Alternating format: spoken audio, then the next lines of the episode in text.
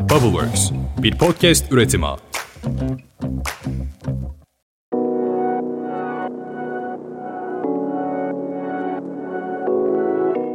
Ben Işıl Ergincan. Bubbleworks Medya'nın orijinal içeriği Ne Yaptığının Farkında Mısın podcast kanalına hoş geldin. Geçen hafta neler konuştuk hemen onu hatırlatalım çünkü iki haftalık bir seçim arası verdik. Ben de bütün sosyal medya kanallarında sadece seçimle alakalı insanlara bilgiler vermeye çalıştım. O yüzden sürdürülebilirliğe biraz ara verdim. Podcast'a da biraz ara verdik. Ortalık biraz durulsun istedik podcast içinde. Ne anlattık hemen onu tekrar geri dönelim. Su anlatmıştık en son. Su, Türkiye'de su krizi, suyun durumu, dünyada suyun durumundan bahsettik. Bugün nelerden bahsedeceğiz? Dünyada neler yapıyorlar aslında su için? Bir hamburger yediğimizde ne kadar su harcıyoruz vesaire. Bunların oranlarına bakacağız. Ve neler yapacağız? Neler yapabiliriz yani? Birazcık bunu konuşacağız. O zaman hemen hadi bölüme geçelim.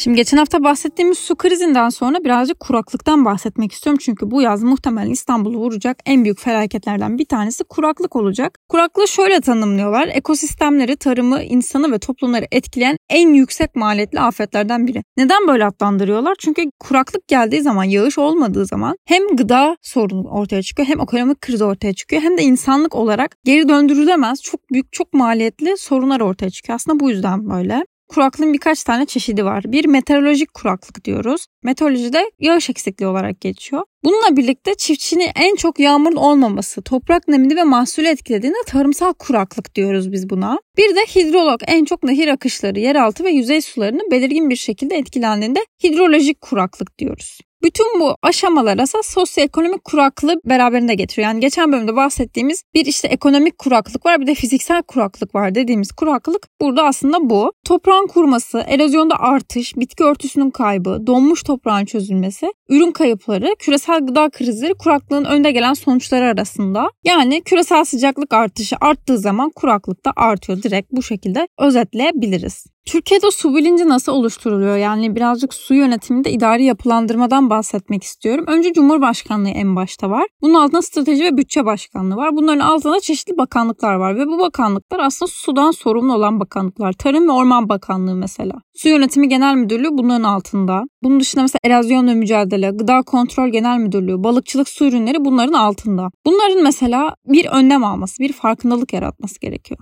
Enerji Tabi Kaynaklar Bakanlığı kesinlikle Enerji Verimliliği Çevre Dairesi Başkanı bunun altında olduğundan dolayı enerji kullanım yani biz mesela hidroloji santrallere geçersek enerjiyi bu şekilde etkilendireceğiz kullanacağız dersek ama suyumuz olmazsa mesela burada patlıyoruz. Bunlara bakılması gerekiyor. İçişleri Bakanlığı mesela afet durum yönetimi İçişleri Bakanlığı'nda olduğu için herhangi bir su krizinde yine onlar sorumlu olacak. Çevre Şehircilik Bakanlığı var. Yine il Çevre ve Şehircilik Müdürlerine bağlı. Burada da sorumluluk almaları gerekiyor. Sağlık Bakanlığı yine önemli bir bakanlık. İl ilçe sağlık müdürlüğü yani suya erişim olmadığı zaman nasıl biz devam edeceğiz? Bu önemli. Peki biz su için neler yapmalıyız? Buna biraz bakmamız gerekiyor. Su ayak izi dediğimiz bir kavram vardı. Geçen bölüm anlatmıştık. Yeşil, mavi ve gri olarak adlandırılıyordu. Yani suyun ekonomi içerisindeki rolüne bakıyorduk. Siz yani suyu ne kadar harcıyorsunuz? Sizin su ayak iziniz ne kadar? Bu çok önemli. Mesela 1 metreküp yani 1 ton su harcamak için neler yapılıyor? Ona bakalım biraz. 13 kez banyo alırsanız 1 ton su harcıyorsunuz. 14 kere çamaşır yıkarsanız, 111 kez sifona basarsanız ve 28 kere duş alırsanız siz aslında 1 ton su harcıyorsunuz. Bu verileri bu arada Suen'den aldım. Daha sonra yaşam alanlarımızda su tasarrufu yapmak. Aslında biz bireysel olarak çok şey değiştiremeyeceğimizi öngörsek de yani çok fazla insan yaşıyoruz. 81 milyon yaşıyoruz şu Türkiye'de. Hepimiz su kullanımına dikkat etsek çok fazla şey değişebilir. Mesela banyo yaparken küvet doldurmak yerine duş almak %25 oranında su tasarrufu sağlıyor. Bunları bence biliyoruz zaten, duyuyoruz ama bir kişi neyi değiştirir ki? Ben ne yapabilirim ki? Aman benim suyu kullanımımda su bitecek mi ki diye yaklaşarak bence bunları çok kale almıyoruz. O yüzden biraz daha bakalım istiyorum.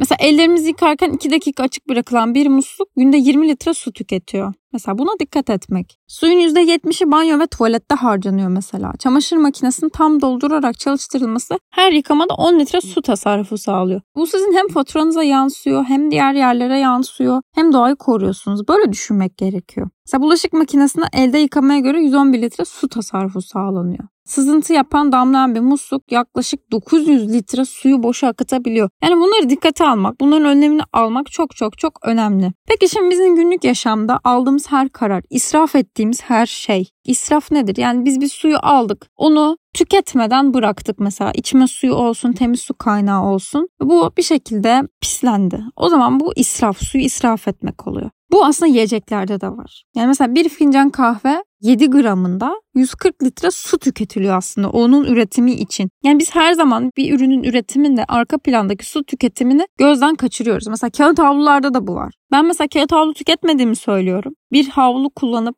işte bir bez kullanıp o bezi tekrar tekrar yıkadığımı dile getiriyorum. Bana diyorlar ki e daha fazla su harcıyorsun. Hayır daha fazla su harcamıyorum. Yani çünkü o kağıt havlu üretilirken çok daha fazla su harcanıyor. Mesela 1 litre pet şişe sadece pet şişe üretebilmek için 3 litre su harcanıyor. Yani siz o pet şişeyi kullanmadığınız zaman hem yılda 365 tane pet şişenin okyanusa gitmesini, vahşi atık çöplüklerine gitmesinin önüne geçiyorsunuz. Hem de her bir pet şişe üretiminde 3 litre suyun boşa gitmesini önlüyorsunuz. Yani böyle böyle aslında tüketimimizi azalttığımız zaman, bir şeylerin farkına vardığımız zaman dünyaya da etkimiz artıyor. Bir de aslında bunları devam edeceğim şimdi hani bir şeyin üretimde ne kadar su harcanıyor vesaire buna devam edeceğim. Ama halkı da bilinçlendirmek çok önemli yani bunu da söylemek istiyorum. Geçen gün Beşiktaş'a gittim. Oraya bir su sebili koymuşlar. Hani insanlar gelsin su içebilsin, suya erişim olsun diye. içine çöp atmışlar mesela. Yani hayvan oğlu hayvan.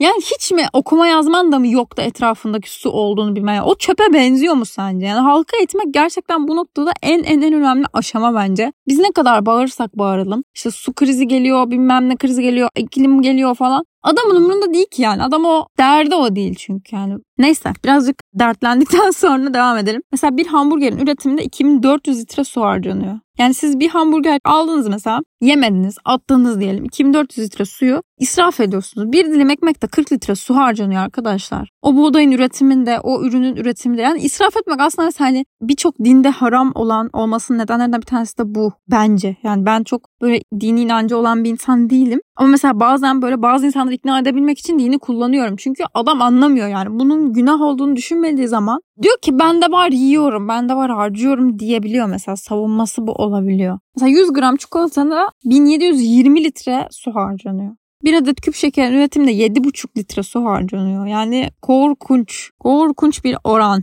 Bir akıllı telefonu ortalama bir akıllı telefonu üretebilmek için 12.075 litre su. Yuh be kardeşim yani. Kot pantolon için ise 7979 litre su harcanıyor. Gerçekten inanamıyorum bu oranlara. Pamuklu tişört için mesela 2494 litre su harcanıyor. Yani biz kararlarımızı değiştirdiğimiz zaman, biz aşamalarımızı değiştirdiğimiz zaman, ben onun yerine başka bir şey aldığım zaman gerçekten çevreyi de insanlığı da değiştirebiliyorum. Bu arada mesela su krizine şöyle bir örnek verelim. Su kaynaklarının etkilerini genellikle böyle yerel ölçekte yaşanıyor. Mesela işte İstanbul'da bir su krizi yaşandığı zaman İstanbul kesinlikle etkileyecek. Ama sen bir ürün ihraç ediyorsan o diğer yerleri de etkiliyor. Mesela 2010 yılında Rusya'da yaşanan kuraklık tarımsal ihracatın yanı sıra Kuzey Afrika ve ortadaki tahıl faaliyetlerini de etkiliyor. Tahıl fiyatlarını da etkiliyor oralarda. Yani su kaynakları sadece miktar anlamda değil kalite anlamda da risk unsurları taşıyorlar. Bunu da nereden aldım bu veriyi de? WWF'in Türkiye'nin su riskleri raporu var. Buradan alıyorum bu verileri de. Birazcık bunlara bakalım istiyorum. Bu verileri yorumlayalım istiyorum. Türkiye mesela Akdeniz Havzası içerisinde yer alan bir havza ve son 25 yıl içerisinde yağışlar %20 azalmış durumda. Yani çünkü atmosfer o kadar çok su tutmaya başlıyor ki. Yani burada o kadar çok havza var ki ve bu havzaların oranına şu an önümdeki bakıyorum tabloda. O kadar azalmış ve biz hani bu o kadar umurumuzda olmayan bir konu ki şu an. Yani su muyum? Tamam. Yani ben musluktan su akıyor ben su içebiliyorum. İşte dört tarafımız denizlerle çevrili su içebiliyorum diyen bir sürü insan var. Yani suyu arıtabilmek için o kadar fazla su harcanıyor ki.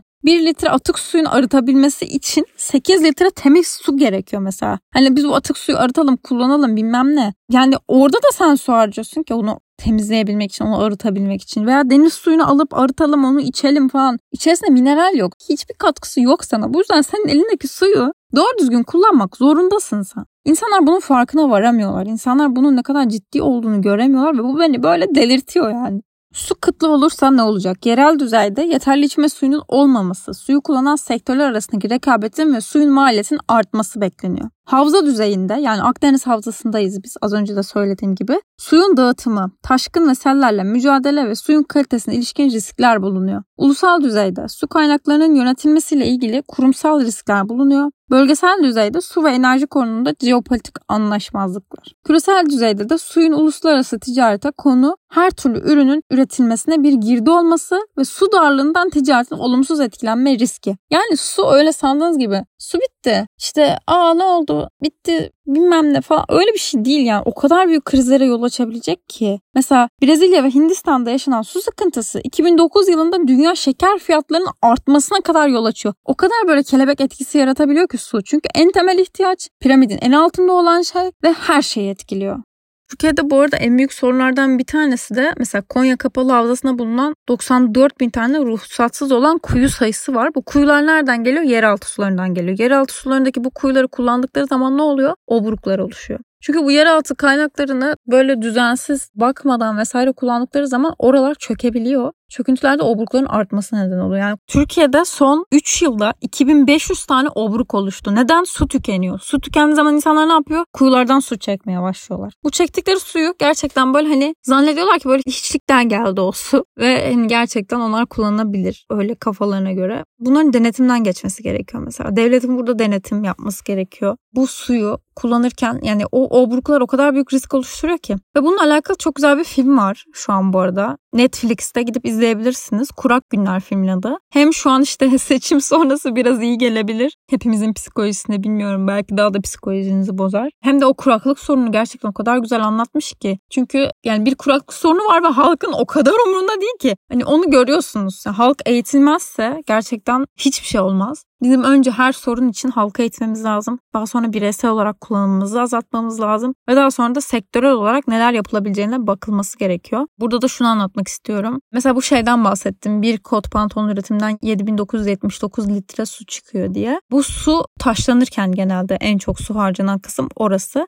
Bego Jeans diye bir marka var ve bu marka su kullanımını azaltmak için kendileri taşlama yönteminde hem insan sağlığına da zararlarından dolayı azaltıyorlar ve bambaşka bir şekilde kot üretimine başlıyorlar. Mesela bu kadar yenilik yani sanayi yenilikçilik ve altyapı direkt sürdürülebilir kalkınma amacının bu maddesine hizmet ediyor mesela bu marka. Bu şekilde ürünler üretmemiz gerek. Yani bir şeylerin farkına vararak çevresel, sosyal, ekonomik olarak ilk bölümlerde de anlattığım gibi sürdürülebilirlik sektörel olarak değişmemiz ve dönüşmemiz gerekiyor. Bunun dışında mesela et endüstrisi yine en çok su harcayan endüstrilerden bir tanesi. Burada müdahale edilmesi gerekiyor. Yani et endüstrisi hem su harcayan endüstrilerden bir tanesi deli gibi hem de en çok karbon emisyonuna neden olan, yani en çok metan gazı çıkaran endüstrilerden bir tanesi. Buna da dikkat etmemiz ve bunun da önüne geçmemiz gerekiyor. Burada da yine hükümet devreye giriyor. Yani bir yaptırım uygulanması, sürdürülebilirliğin yine üstten bir kurum tarafından denetlenmesi ve yasalar çıkartılması gerekliliği geliyor. Yani biz bireyler farkına vardıkça şu an için bu çok zor görünüyor. Yani endüstrinin bu kadar bir çıkarı olmadan dönüşmesi, ortada bir şey yokken hadi tamam ben bunu azaltayım dönüşeyim. demesi çok zor. Bunun farkındayım ama sürdürülebilirliğe yatırım yapan firmalar her zaman şunu söylüyorlar. En çok karşılığını alabildiğiniz yatırım bu. Çünkü evet bir maliyeti var. Sürdürülebilirlik ortamına girmenin, bir şeyleri değiştirmenin ve dönüştürmenin bir maliyeti var. Farkındayız diyorlar ama getirisi çok fazla. Hem kullanıcı açısından hem doğa açısından hem çevre açısından tabii ki birçok marka yeşil finansa başvurabilmek için yani sürdürülebilir gözüküp bankalardan daha iyi destekler alabilmek için bu yola baş koymuş olabilirler. Ama biz yine de bireysel olarak farkındalık yaratıp şirketleri bu noktada zorlamak zorundayız. Dünya bu şekilde dönüşecek. Bu yaz Türkiye'yi bir İstanbul'u özellikle bir su krizi bekliyor. Bununla nasıl mücadele edeceğiz bilmiyorum. Yağmur suyu arıtma tesisleri var. İstanbul yeni açıldı bu arada. Ekrem İmamoğlu açtı kendisi. Onun yürütücülüğünde olan bir projeydi. Teşekkür ediyoruz ona çünkü hani arıtma suyunun değerlendirilmesi önemli bir süreç. Yani bu kadar yağmur yağıyor bu sular nereye gidiyor? Denizlere karışıyor. Bu süreç önemli bir süreç. Ancak bunun devamının gelmesi lazım. Yani su konusunda çiftçi kesinlikle bilinçlendirilmeli. İşte insanlar bilinçlendirilmeli. Artık her tarafımız deniz, suyumuz var mantığından insanların çıkartılması gerekiyor.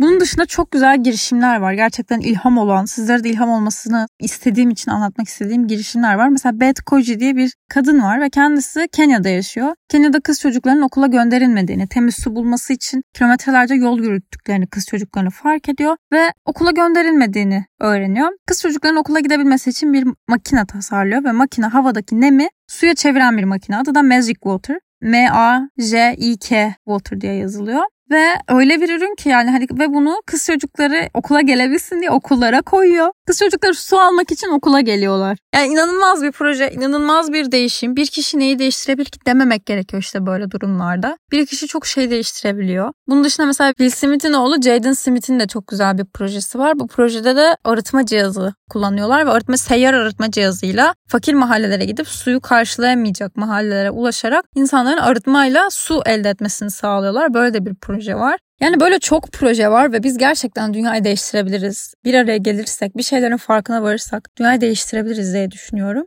Bu haftalık benden bu kadardı. Teşekkür ederim beni dinlediğiniz için. Dediğim gibi yani bir şeyleri değiştirmek için önce bireysel farkındalık, bireysel değişim ve daha sonra da toplumsal değişimi yaratabilmek için girişimler ve çeşitli sürdürülebilir firmalar gerekiyor. Çeşitli iş yönetimleri gerekiyor. Bunları yaptığımız zaman çok daha farklı olacağını düşünüyorum. Bu sene İstanbul'u kesinlikle bir su krizi bekleyecek. Bunu yönetebiliyor olmamız gerekiyor. Bakalım süreç bize neler gösterecek. Haftaya havadan bahsetmek istiyorum. PM 2,5 kilometresinden İstanbul'da neden bu kadar çok sis var? Bunlardan bahsedeceğiz ve hava kirliliğini konuşacağız. O zaman şimdilik görüşmek üzere bir sonraki bölümlerde. Hoşçakalın.